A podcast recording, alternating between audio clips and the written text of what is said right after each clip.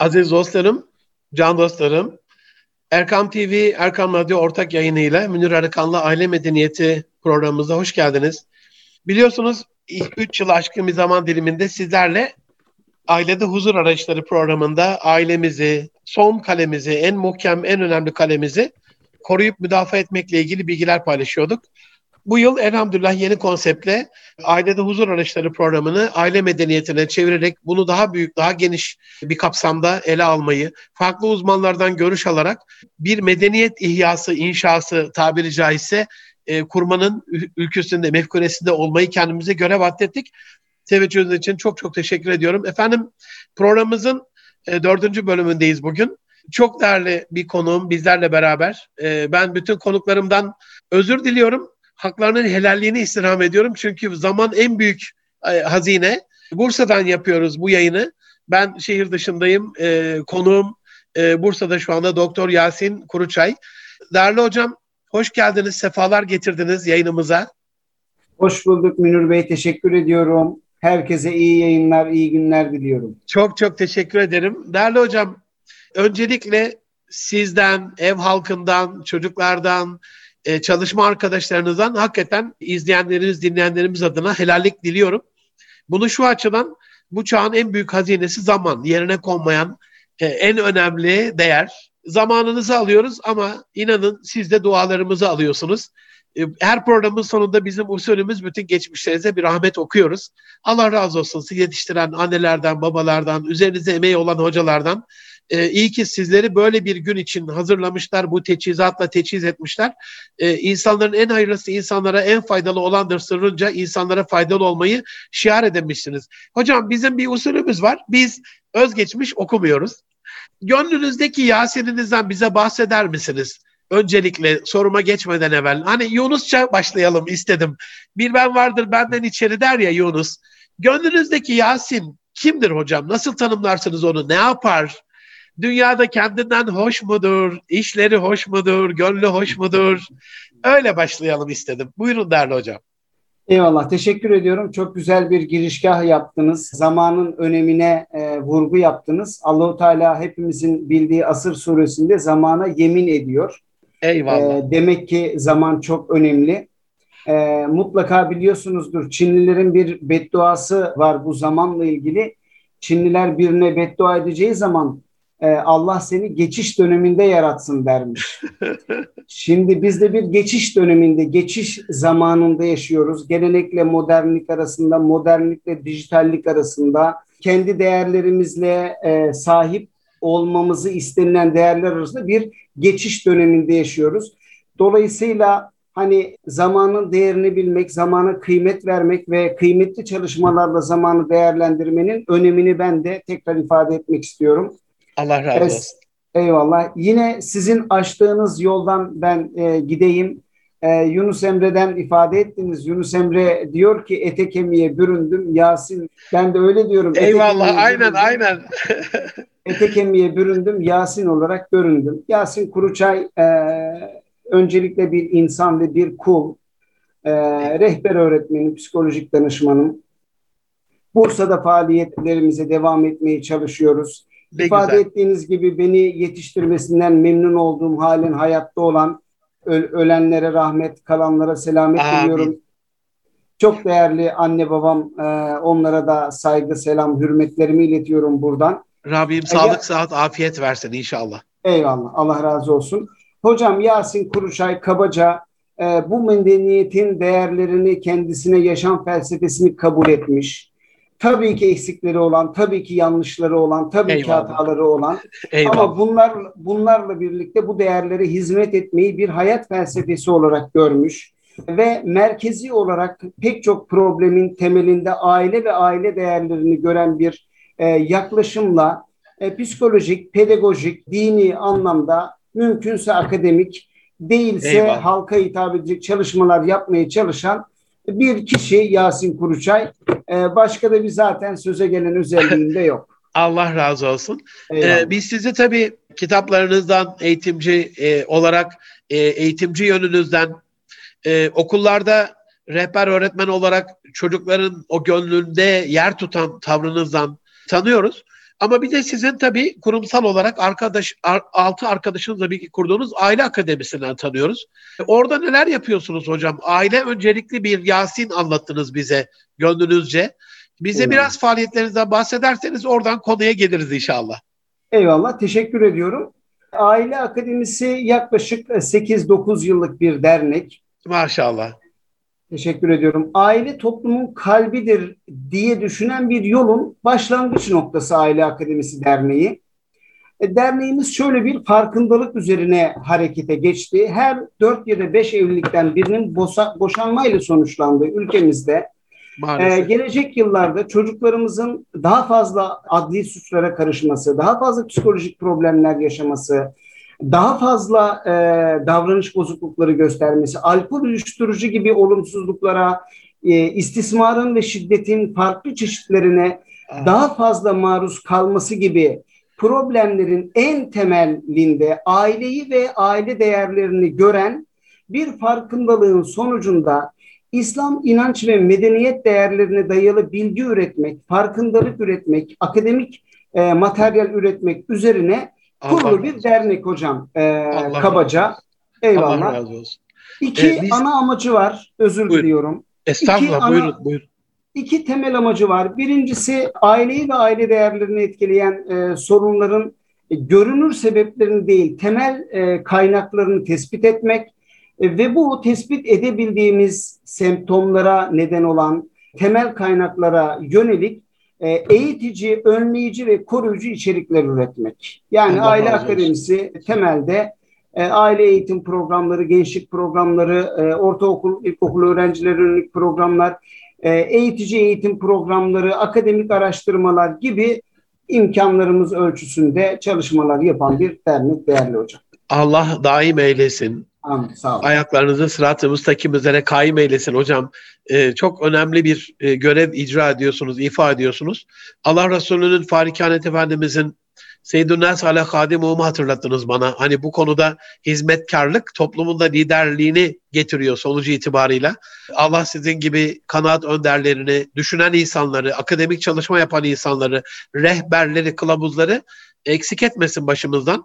Şöyle mi anladım hocam? Doğru mu anladım? Mesela siz diyorsunuz ki olan olaylara değil, o olayları doğuran asıl sebeplere. Mesela şimdi biz uyuşturucu nerede satılıyor? İhbar, Körşe'de, parkta işte şu satılıyor, bu satılıyor. Polisiye, narkotik falan tedbirlerle değil de bu uyuşturucunun kaynağı itibariyle ailede aile saadetine kavuşmamış, anne babanın yardımını almamış, sevgisini almamış. Dolayısıyla hayatı boşa düşmüş. Yani ilk kaynak ailedir. Dolayısıyla orada bunu rehabilite edelim. Orayı, bunun nedenleri neyse orayı anlayalım e, diye mi anladım? Doğru mu anladım?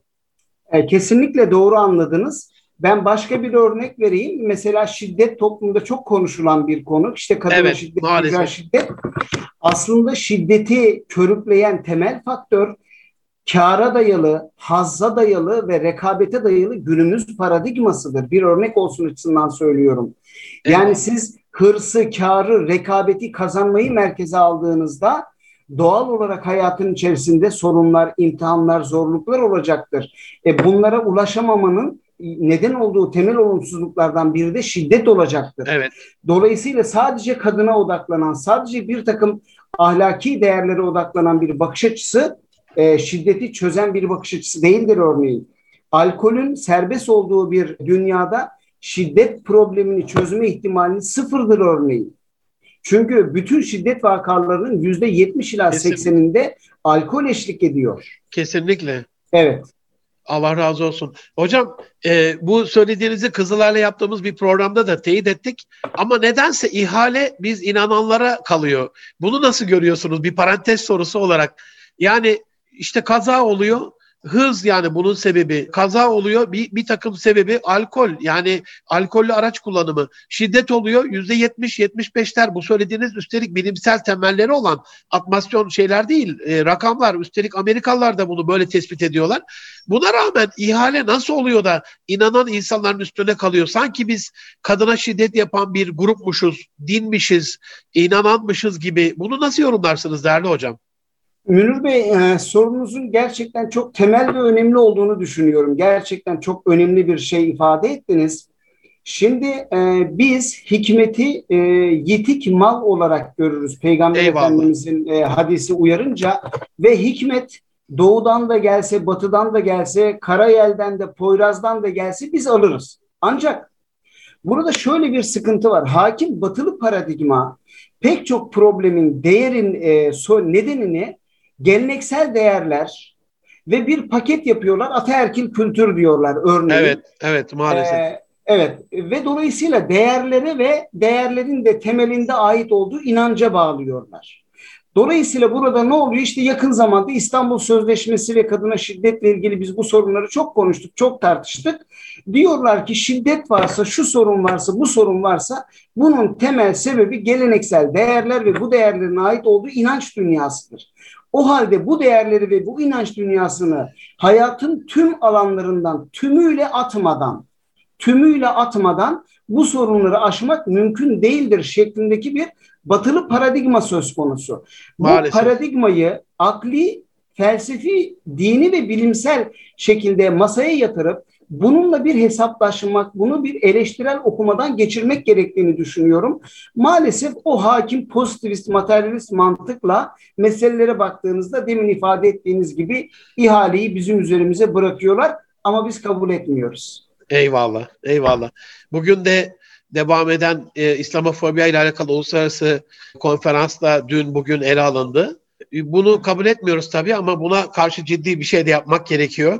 Dolayısıyla buradaki aynı İslamofobiyada olduğu gibi yani dünyayı imarla, ıslahla, inşayla, bütün mazlumların hamisi Topkapı Sarayı'ndan Avrupa'nın e, birbirine düşmüş krallarını krallarından kurtaran, devlet başkanlarına yardım eden, savaşlarını önleyen Osmanlı'nın torunları Aynı şekilde dediğiniz o batı mantalitesi, ahlaksız batı mantalitesiyle İslamofobiyle de suçlanıyor.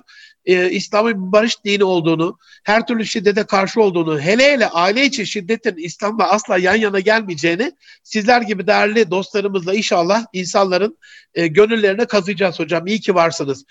Değerli hocam, Aile Akademisi Derneğiniz özellikle İstanbul Sözleşmesi'ne karşı basında bir takım medyadan da çok eleştiri aldığınız için oradan takip ettim. Ciddi bir mücadele verdi. Bir takım medyanın sizi sevmemesi size olan muhabbetimizi artırıyor elhamdülillah. Ee, biz sizi gıyabınızda çok seviyoruz, çok önem veriyoruz. Sözleşmeye sizin karşı çıkışınızın sebepleri, temel sebepleri neydi? Ee, İstanbul Sözleşmesi şimdi kaldırıldı ama tehlike bitti mi? mevcut yasa ve yönetmeliklerimiz o sizin başlangıçta bahsettiğiniz aile medeniyeti yapımızı korumak için yeterli midir? Ne dersiniz değerli hocam? Eyvallah.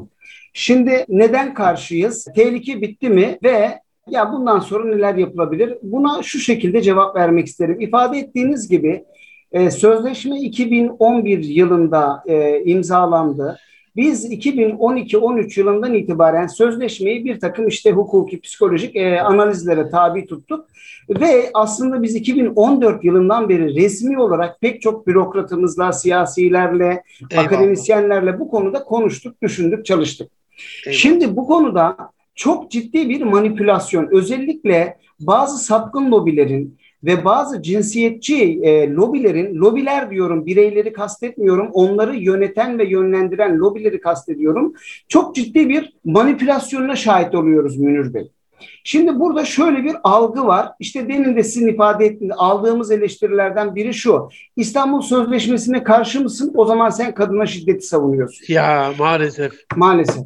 Şimdi e, İstanbul Sözleşmesi daha önce SEDAV gibi, e, DEDAV gibi, e, Avrupa İnsan Hakları Sözleşmesi gibi farklı sözleşmeler vardı. Biz neden özellikle bu sözleşmenin mantığını ve ruhuna ve içeriğine karşıyız? Birkaç başlıkla ifade etmek istiyorum. Lütfen İstanbul hocam. Sözleşmesi temelinde toplumsal cinsiyet kavramını oturtan bir e, sözleşmedir. Toplumsal cinsiyet çok kabaca biyolojik kız erkek biyolojik cinsiyetimizin haricinde toplumda kadına ve erkeğe yüklenen rollerin din ve ahlaki değerlere dayandığını ve dinin ve ahlakın ayrımcılık ürettiğini, kadınları ve kız çocuklarını mağdur ettiğini ifade eden bir mantığa dayanıyor toplumsal cinsiyet ideolojisi, düşüncesi. Bunun ee, altını e, kalın kalın çizelim ki çok uyansın önemli. inşallah izleyenlerimiz, dinleyenlerimiz. Bakın e, yani İstanbul Sözleşmesi'nin kuramcıları sözleşmenin ruhunun dine karşı olduğunu, ahlaki değerlere karşı olduğunu açıkça ifade ediyorlar. Ayrıca bir şiddet tanımı var. Hani inanın tabii burası çok geniş bir konu ama ama e, şiddetin tanımı bütünüyle muğlak. Örneğin diyor ki ihtimali olan diyor. Yani diyelim ki sizin eşiniz sizin bir sözünüz üzerine incinme ihtimali var. Bunu şiddet tanımına koyuyor ve buna hukuki yaptırımlar koyuyor. İşte bakın İstanbul Sözleşmesi'ne dayalı olarak 6284 e, sayılı yasa çıkarıldı. Yani diyelim ki bir kadın diyor ki ben diyor korktum. Eşimin beni öldürme ihtimali var. Bana şiddet uygulama ihtimali var. Devlet 3 bin, 4 bin, 5 bin lira ceza veriyor. 3 ay, 6 ay, 1 ay evden uzaklaştırıyor. Yani çok ciddi trajediler var. Dolayısıyla içeriği belirsiz, alkol gibi mevcut eğitim sistemindeki eksiklerimiz gibi bazı noktaları göz ardı ederek bütünüyle erkeğe ve dine ve ahlaka yüklenen bir mantıkla oluşturulmuş bir sözleşmedir.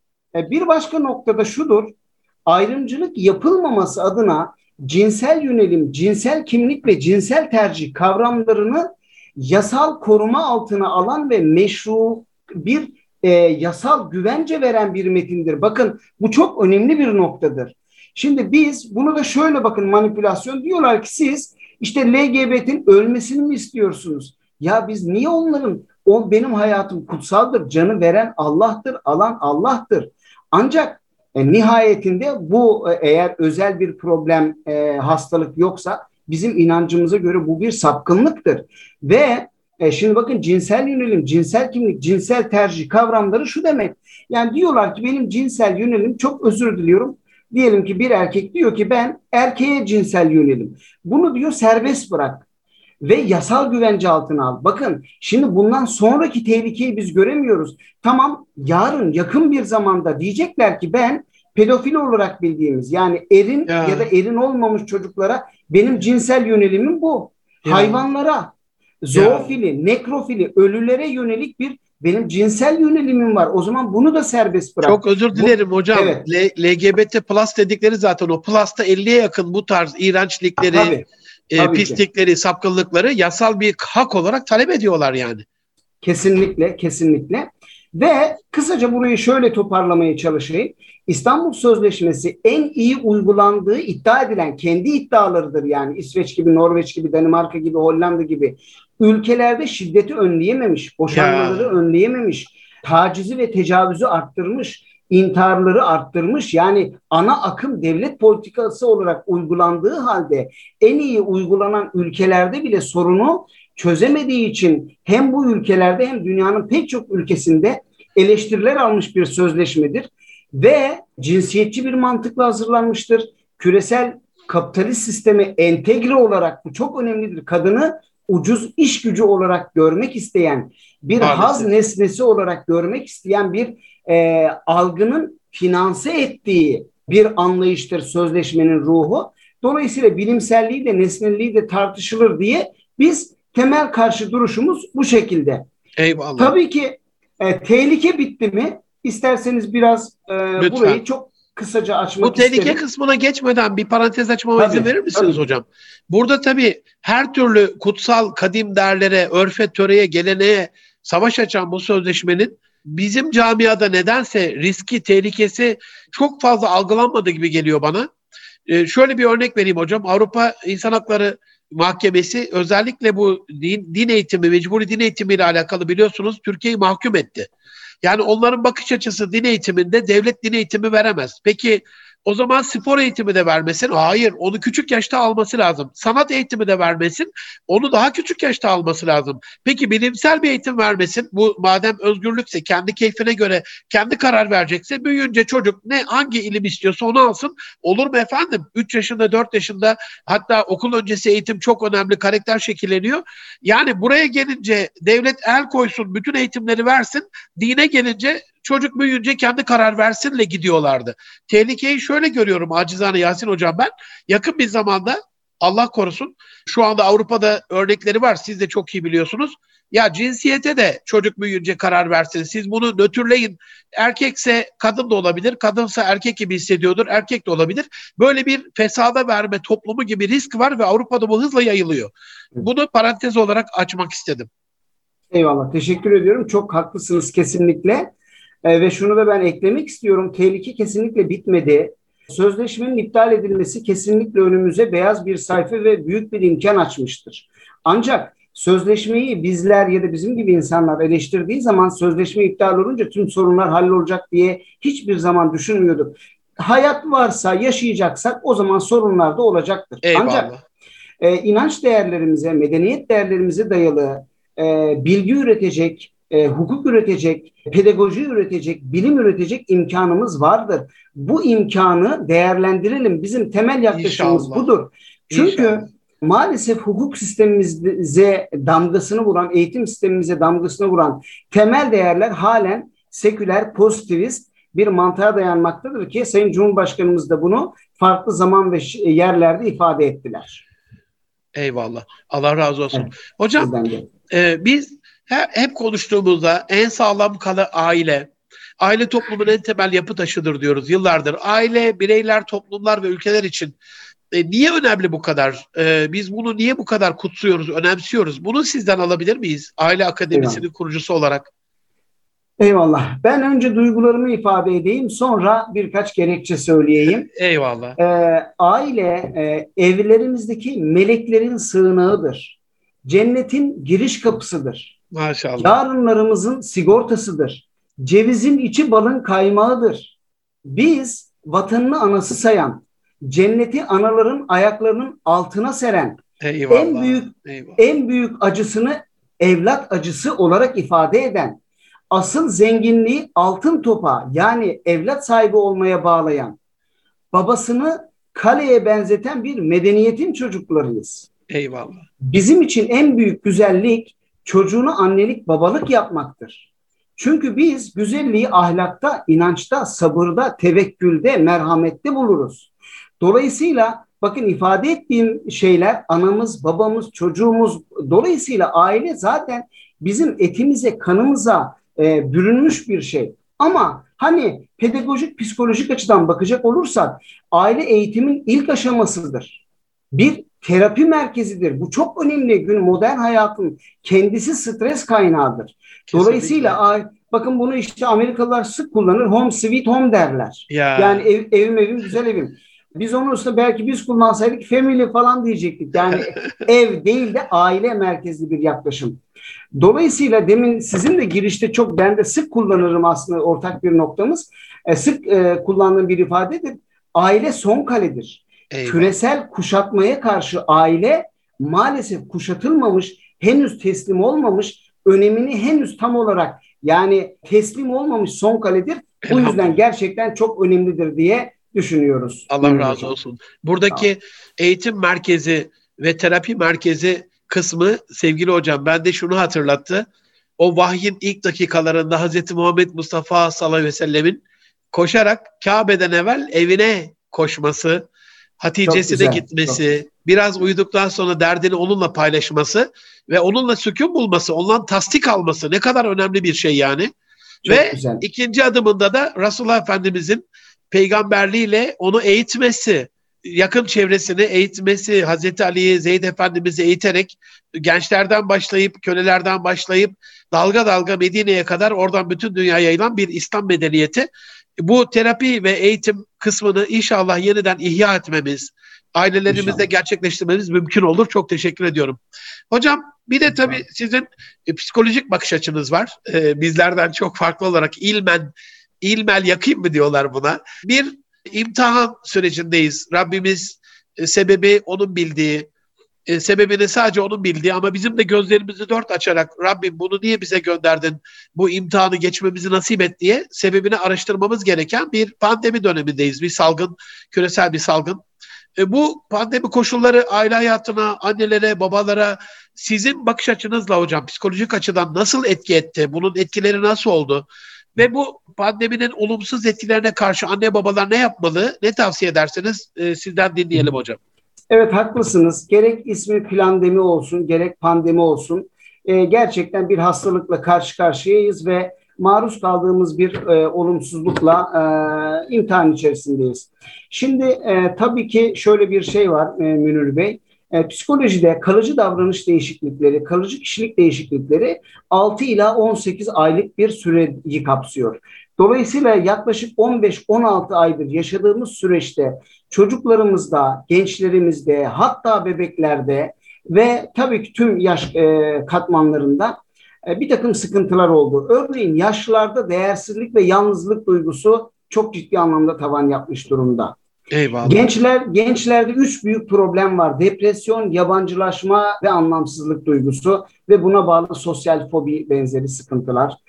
Çocuklarda güven ve kaygı anlamında çok ciddi sıkıntılar var. Dolayısıyla biz önümüzdeki yıllarda inşallah tabii ki güzel şeyler olur. Mutlaka psikososyal büyük programların yapılması gerektiğini inanıyoruz. İnşallah. Ciddi bir yorgunluk var ve psikolojik sorunların tarihte görülmediği kadar arttığına bakın. Şu anda biz yaptığımız çalışmalarda bunu görüyoruz.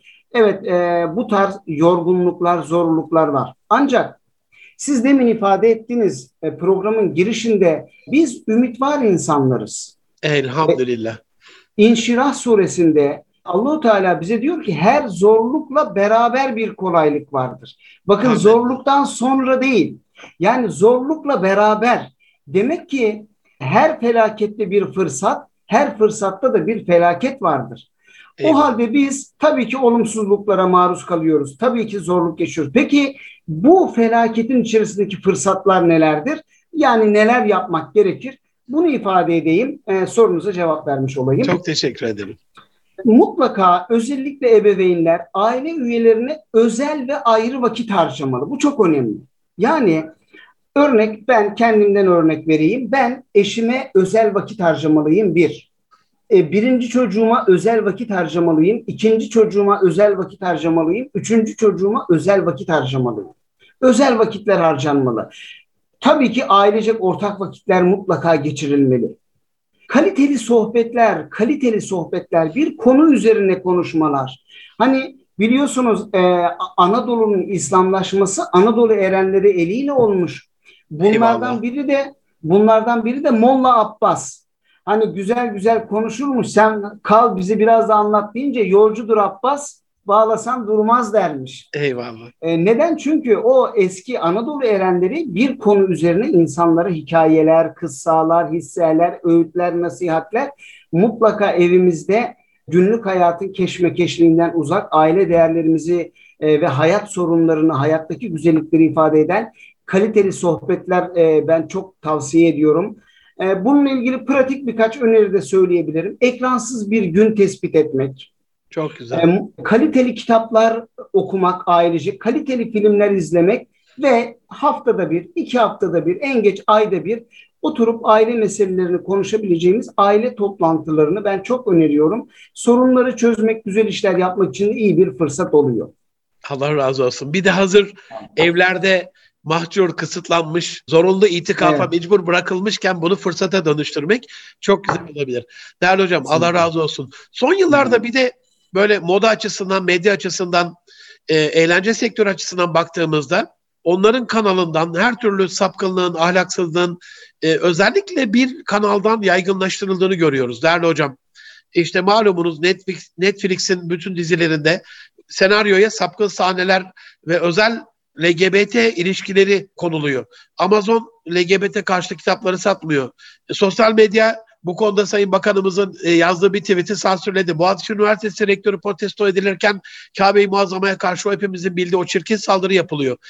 Ve bu gibi durumlar aile hayatımız ve çocuklarımız için nasıl bir risk barındırıyor hocam? Çünkü sürekli televizyonlarda, sürekli haberlerde bu sapkın ve cinsiyetçi anlayış ve uygulanama karşı biz nasıl mücadele etmeliyiz?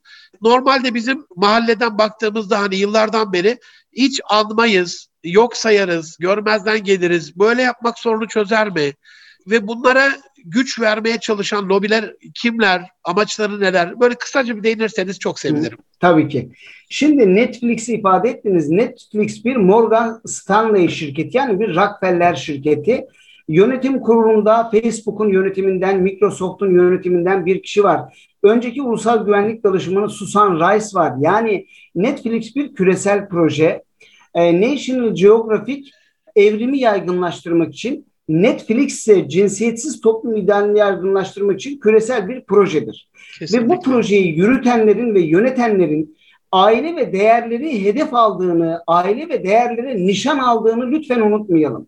Çünkü bakın e, neoliberal, kapitalist e, sömürüye karşı ailemiz ve ailemizi bağlayan değerler koruyucudur. Aileden ve değerlerden soyutladıklarında özgürlük adı altında maalesef bunu yapıyorlar.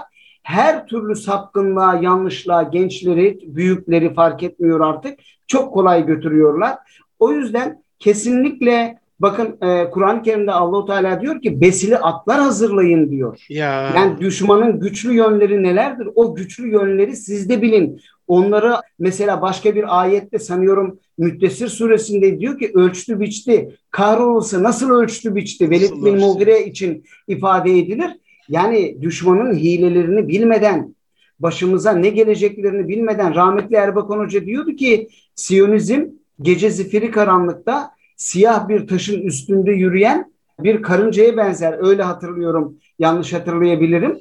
E, dolayısıyla kesinlikle bunların temel amaçlarını bilmeliyiz ve demin sizin ifade ettiğiniz gibi bakın bu lobileri destekleyenler Rockefeller, Rothschild'ler, Ford Foundation, Gates, Bill Melinda Gates Vakfı, British Konsül. Şimdi bakın British Konsül'ün mesela direktörlerinden biri Jake Graff diye biri. Jake Graff LGBT yönetim kurulunda dünyadaki ana LGBT lobilerinin yönetim kurulunda LGBT filmleri çekmek için dünyada yüz milyonlarca dolarlık projelerin baş mimarlarından biri.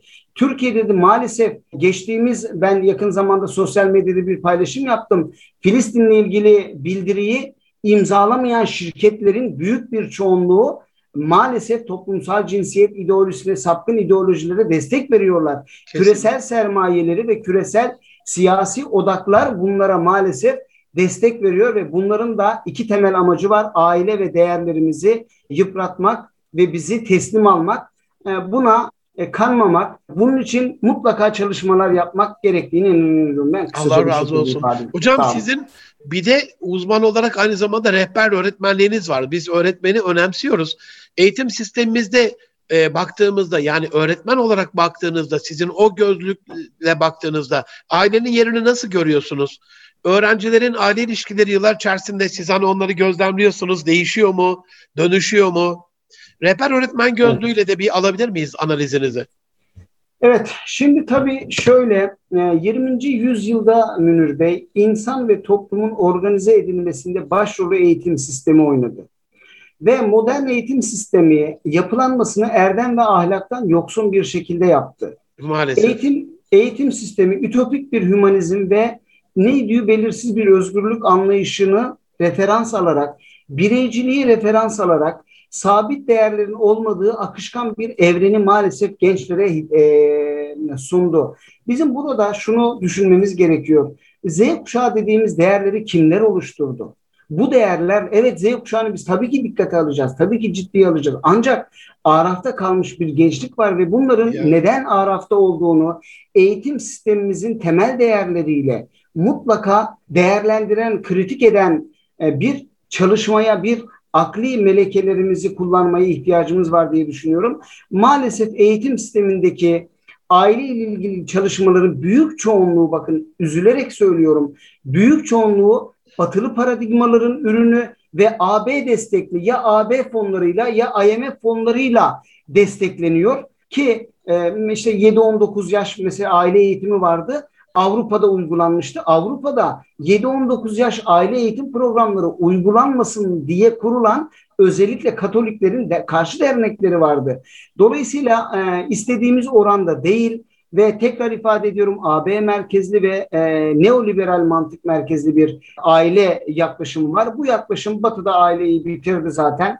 E, o yüzden e, gençlerin de aile ilişkilerini son derece zayıflamış buluyorum. Tabii ki çok güzel örneklerimiz var. Ha, Tabii ki Abi. Benim için de çocuklarım için de öğrencilerim için de çok güzel örnekler tabii ki var. Ancak yani işlerin çok iyiye gittiğini söylemek için e, oldukça e, iyimser ya da hayalci olmak gerekiyor doğrusu. Hocam ben acizane bir aile koçu olarak e, müfredatta ailenin yerini göremiyorum.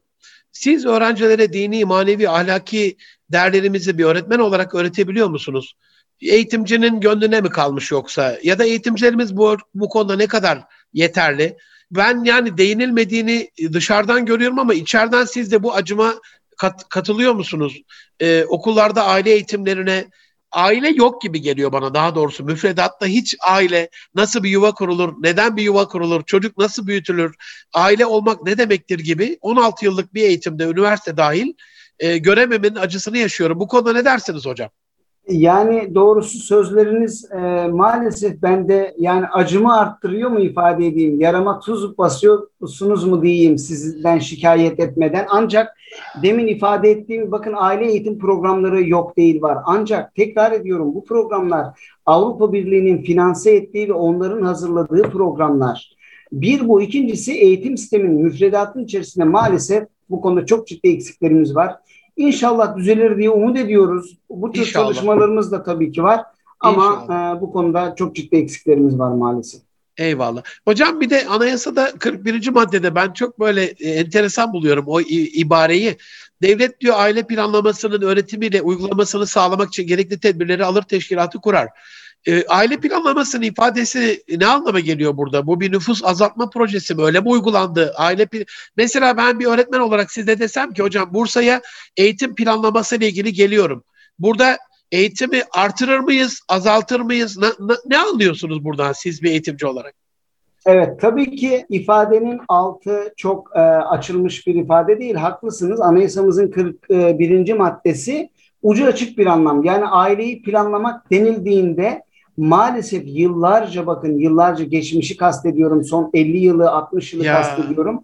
Ya. E, nüfusu planlamak, nüfusu kontrol altına almak ve azaltmak bir küresel proje olarak bakın biz geçmişte şunları yaşadık Münir Bey çok özür diliyorum. Yani liselere çok özür dileyerek ifade ediyorum. Yani cinsel birliktelikte koruyucu e, araç gereçler dağıtalım. Bunlar aile planlaması adı altında yapıldı. Ve bakın burada şöyle evet aşırı komploculuk gerçek komploları görmemizi engelliyor. Nüfus planlaması ya da aile planlaması bütünüyle nüfusu azaltma anlamına gelmiyor. Ancak bunu da içeren Bakın ben bir örnek vereyim. Noah Harari işte Homo Deus evet, vesaire 3 evet, üç, evet. üç tane e, sanırım kitabı var. Evet. Şimdi bakın e, Noah Harari önemli biridir. Kanada'da yaşar, eşcinseldir ve Yahudidir e, Noah Harari diyor ki gelecekte diyor gereksizler diye bir sınıf çıkacak. Ve bu gereksizler sınıfı NBIC teknolojileriyle yani nörobiyo, info, kogno e, teknolojiler genetik müdahalelerle nüfus diyor azaltılacak. Bunu hani biz söylemiyoruz.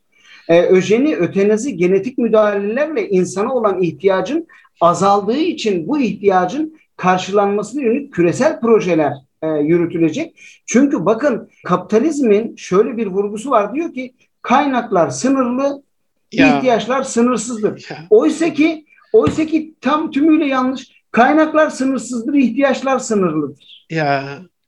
Evet. çerçevede bellidir yani ihtiyaçlar.